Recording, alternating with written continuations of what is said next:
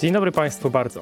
Dzisiaj będziemy mówić o bohaterach tła, bohaterach niezależnych, NPC-ach w grach fabularnych, postaciach tła w książkach oraz postaciach tła w filmach. Trochę tak jest, że jak człowiek obiecuje, że będzie robił więcej materiałów, to potem się okazuje, że nie ma czasu, żeby robić więcej materiałów, więc teraz nie będę obiecywał nic, jakoś to tam się będzie turlać. Widzę, że w ogóle mam jakieś notatki porobione, co ja mam teraz nagrywać, a jakoś potem się nie, nie można zebrać, żeby to nagrać, więc em, opowiem wam o moich ostatnich, że tak powiem, odczuciach, które mam, ponieważ, pozwólcie, że sobie sprawdzę, ponieważ od początku roku, a konkretnie od 12 stycznia, zagraliśmy już równo 20 sesji. Jest tego sporo, jeszcze kolejnych 8 jest zaplanowanych na, na początek kwietnia, także naprawdę dużo. I do tych sesji się przygotowywałem no, dość długo, bo każda z nich właściwie była w innym świecie, w innym settingu, w innym systemie, w związku z tym do każdego z tych scenariuszy trzeba się było przygotować od początku, napisać wszystko praktycznie od zera. No niektóre rzeczy tam były gdzieś tam z puszki, ale i tak trzeba było do tego domontować jakichś bohaterów i zauważyłem pewne trendy, które się tutaj dzieją. Z pozytywnych rzeczy na pewno zauważyłem, że dużo lepiej mi się myśli o tych fabułach i jakoś tak lepiej mi się przygotowuje, bo jestem w tym trybie, gdzie cały czas nad tym siedzę, nad tym myślę, cały czas gdzieś tam pracuję, w związku z tym to nie jest tak, że te fabuły gdzieś tam są i ja po prostu siadam sobie do sesji i one powstają albo na bieżąco, albo je czytam z paczki. Szczęśliwie tak nie jest, czyli zm- zmuszam się, że tak powiem, do tworzenia tutaj cały czas. Co mi przypomina jeszcze w ramach takiej małej dygresji filmik na Instagramie, który widziałem, gdzie tam dziewczyna przygotowywała sobie kampanię przez e, blisko rok dla graczy i tam no, pokazywała ile rzeczy do tego przygotowała, a potem gracze odwołali na 5 godzin przed pierwszą sesją, że jednak nie chcą grać. I tak sobie pomyślałem, no szkoda dziewczyny, że tyle się narobiła i tyle z tego wszystkiego przygotowała, ale z drugiej strony, na miłość boską, kto przygotowuje kampanię na rok do przodu? Nawet jak tego nie robię. W sensie, korzystając w ogóle tutaj z mądrości do podręcznika z gasnących słońc, e, tego oryginalnego, tam z końca lat 90., o którym wspominałem w ostatnim materiale, tam jest taka informacja dla mistrzów gry. Miej pewne wyobrażenie na temat zakończenia, ale nigdy nie licz na to, że do niego dojdziesz.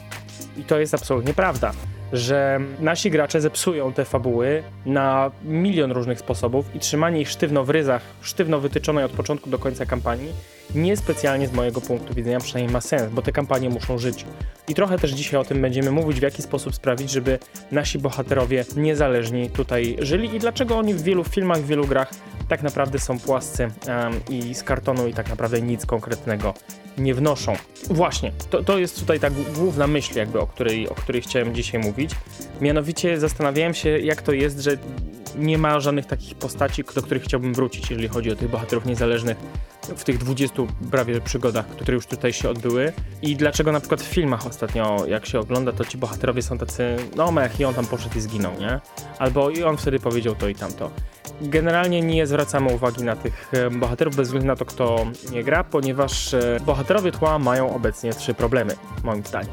Po pierwsze w naszych grach, w sensie nie mówię tutaj tylko o sobie jako mistrzu gry, ale też widzę to po kolegach, z którymi gram w internecie, też sobie patrzę na różne materiały, to wydaje mi się, że pewien wspólny mianownik tutaj jest no i chciałbym tutaj trochę no, w tym temacie podziałać. Z góry wam powiem, że nie mam żadnego konkretnego remedium na te problemy, które tutaj dzisiaj wymienię, ale myślę, że jeżeli sobie uświadomimy to, że one istnieją, to jakoś nam potem będzie łatwiej w ogóle z tym działać.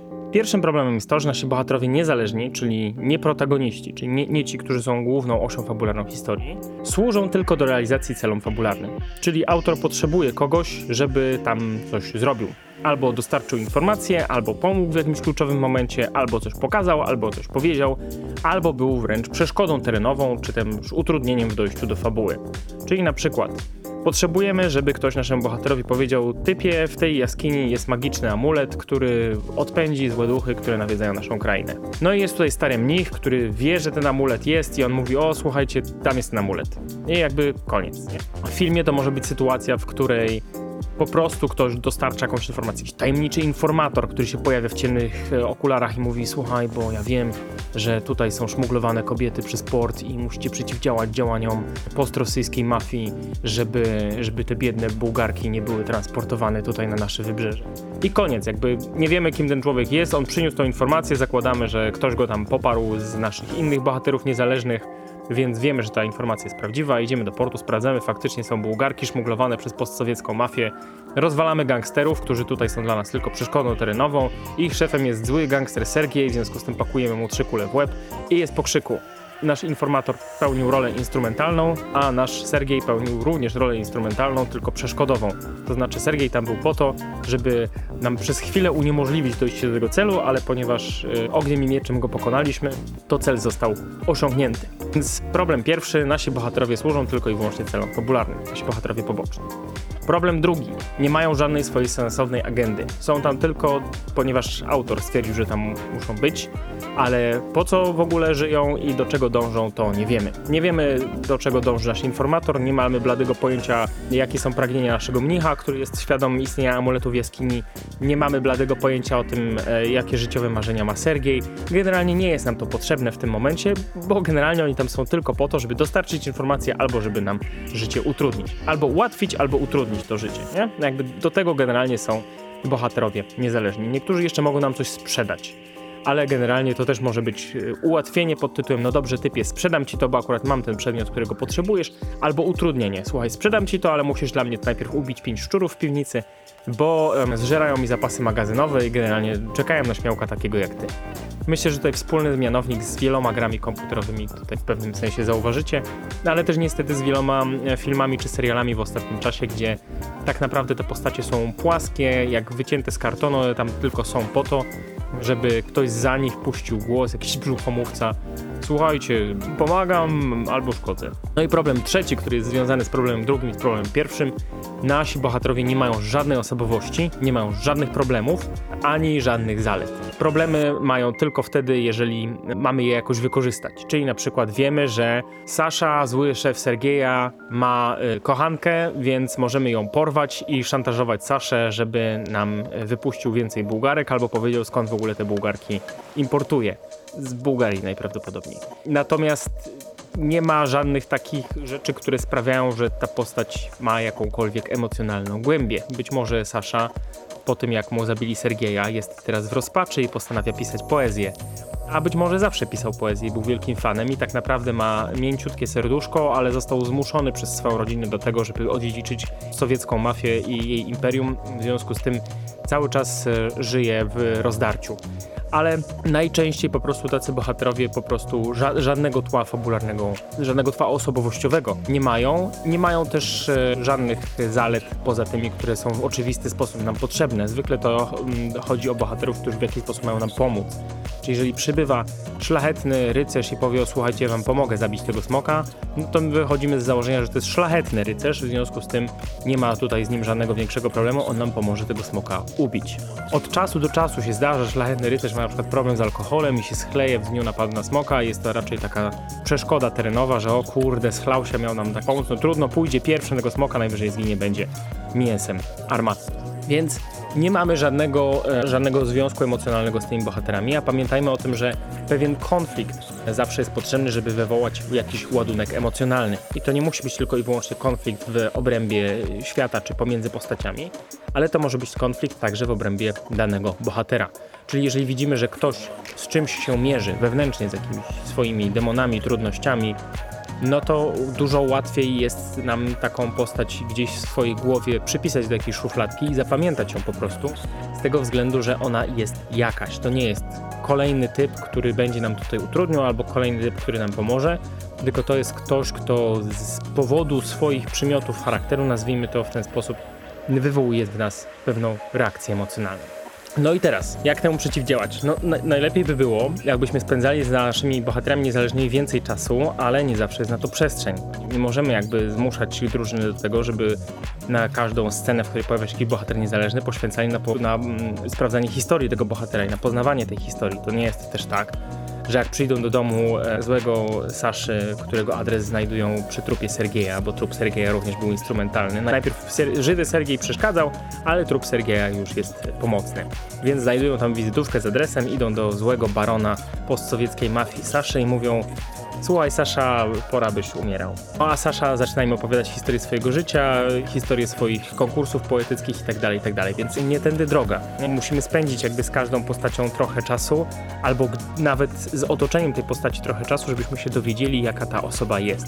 To jest zresztą bardzo często stosowany zabieg w literaturze, czasami w filmie, gdzie zamiast poznawać daną postać, poznajemy jej otoczenie i budujemy sobie obraz tego, jaki ten bohater jest, poprzez opowieści ludzi, którzy się na jego temat wypowiadają, albo którzy z nim pracowali, albo którzy nie wiem, w jakiś sposób przegrali z nim jakąś walkę, albo właśnie wygrali w jakiś sposób.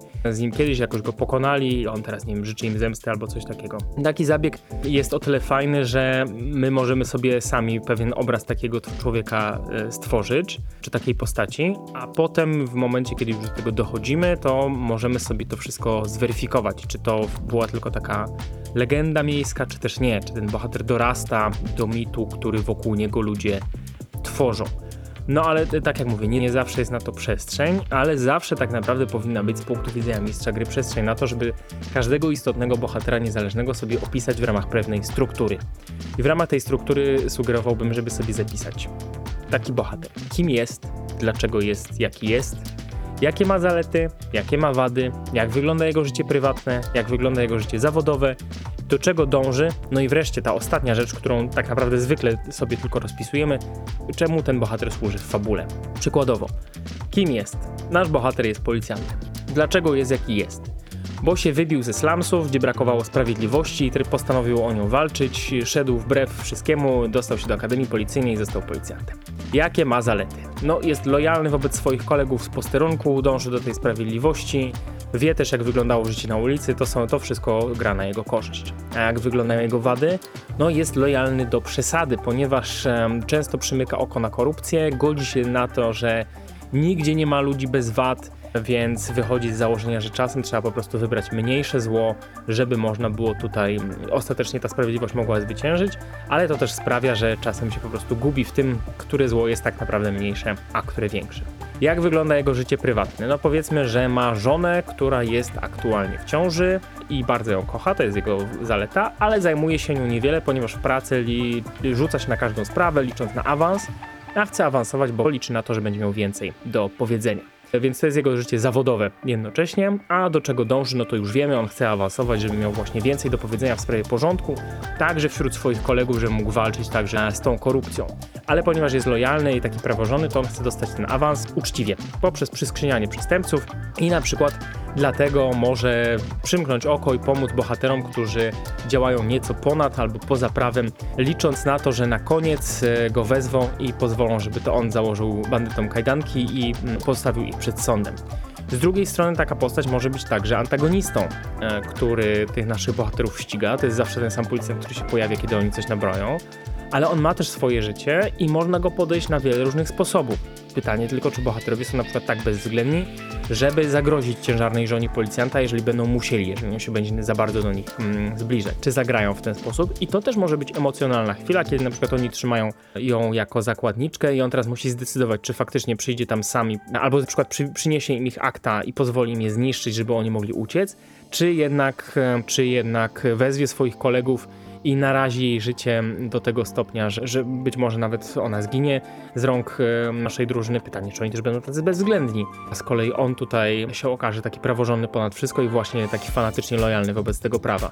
To też sprawia, że nasi bohaterowie, nasi gracze tak naprawdę, ich bohaterowie nie do końca mogą wiedzieć, co tak naprawdę się wydarzy, bo te nasze postacie, poprzez to, że mają różne wewnętrznie skonfliktowane motywacje, są mniej przewidywalne.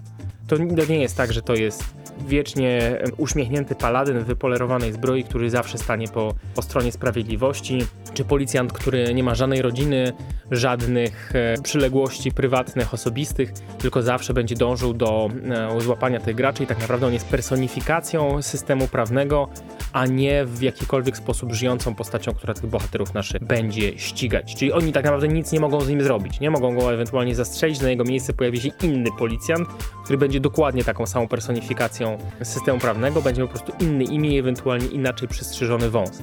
Ale nie będzie działał w żaden sposób inaczej, prawda? Jakby jego motywacja będzie dokładnie taka sama, jego rola będzie dokładnie taka sama, a, a drużyna będzie mogła tak samo niewiele zrobić w kontekście powstrzymania go, bo nie będzie po prostu na tą postać żadnego lewaru.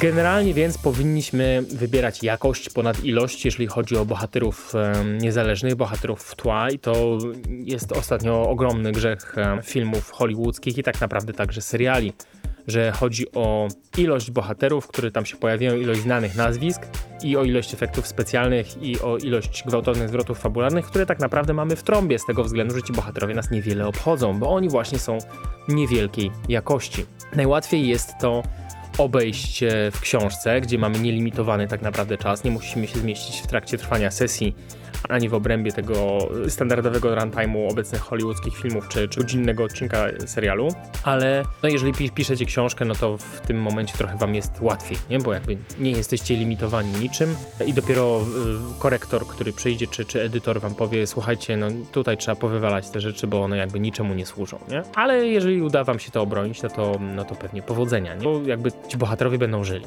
Wszyscy chcemy mieć wielkie historie z rozmachem, w wielkich żyjących światach. Tylko pamiętajmy o tym, że jeżeli mamy wielki żyjący świat, to on musi być wypełniony ludźmi z krwi i kości, a nie tylko z kartonu, więc oni naprawdę muszą mieć jakieś tam swoje motywacje.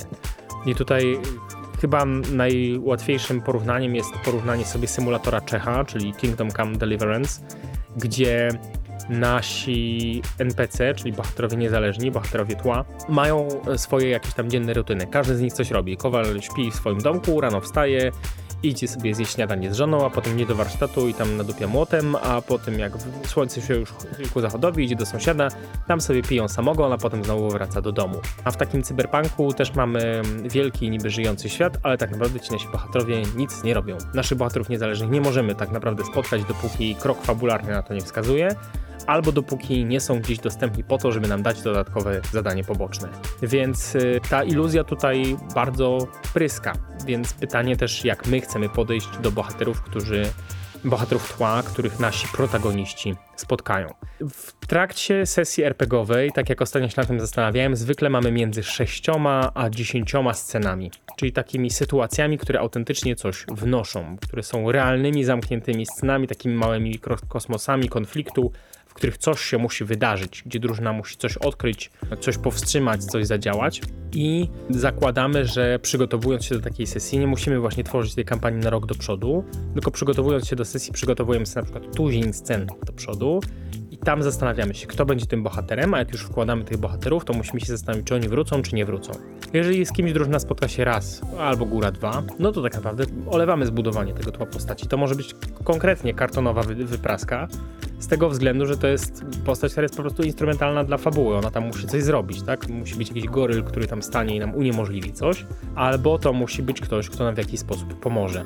Ale jeżeli to jest ktoś mało istotny, to tak naprawdę to, to tło może się ograniczać do tego, kim on jest, skąd pochodzi ewentualnie i dlaczego on jest w tym miejscu. Dlaczego, my wiemy, dlaczego on jest instrumentalny dla fabuły, ale dlaczego on tutaj jest, żeby nam faktycznie pomóc albo przeszkodzić. Natomiast jeżeli to ma być ktoś bardziej istotny, kogo spotkamy trzy razy lub więcej, to powinien naszym graczom zapaść w pamięć, to poświęcenie tych kilku minut na zbudowanie kontekstu tej postaci, na odpowiedzenie sobie na tych kilka pytań, naprawdę, naprawdę tutaj bardzo, bardzo pomoże. Także tworzenie tych e, motywacji i charakteru tych naszych bohaterów będzie nam wywoływać emocjonalne reakcje w graczach, a my zapamiętujemy historię i zostają one z nami, bo właśnie wywołują w nas emocje. I to pozwala nam na stworzenie tych e, naszych scenariuszy, naszych fabuł, naszych światów trochę lepszych, trochę bardziej żywych i trochę lepiej grających. Tych kilka pytań, na które, na które możemy sobie odpowiedzieć, wrzucam gdzieś tam w ogólnie dostępny post na Patronite. Jeżeli chcecie wspierać te nasze dwa podcasty, w sensie dwa moje, a jeden jest w połowie Adama, to możecie sobie zajrzeć na Patronite albo możecie też, też postawić kawę na Buy Coffee Linki wszystkie są w opisie tego odcinka. Nic nie jest za paywallem, więc jak tylko chcecie się do czegoś em, dostać w tym, w tym roku, to to wszystko jest, em, wszystko jest powszechnie dostępne i możecie sobie tam po prostu do tego, do tego zajrzeć. No i to chyba wszystko na dzisiaj. Widzę, że mam jeszcze trochę materiałów na temat właśnie budowania tych historii, żeby były trochę, no, trochę lepszych i rozwinięcie tych, też paru pomysłów, które gdzieś tam zahaczyliśmy z Adamem wcześniej, więc na pewno w najbliższym czasie postaram się do tego siąść. Niczego nie obiecuję, no ale, e, ale zobaczymy. Trzymajcie kciuki, żeby było tego trochę więcej, trochę częściej. A tymczasem z Bogiem, miłego dnia i pa, pa.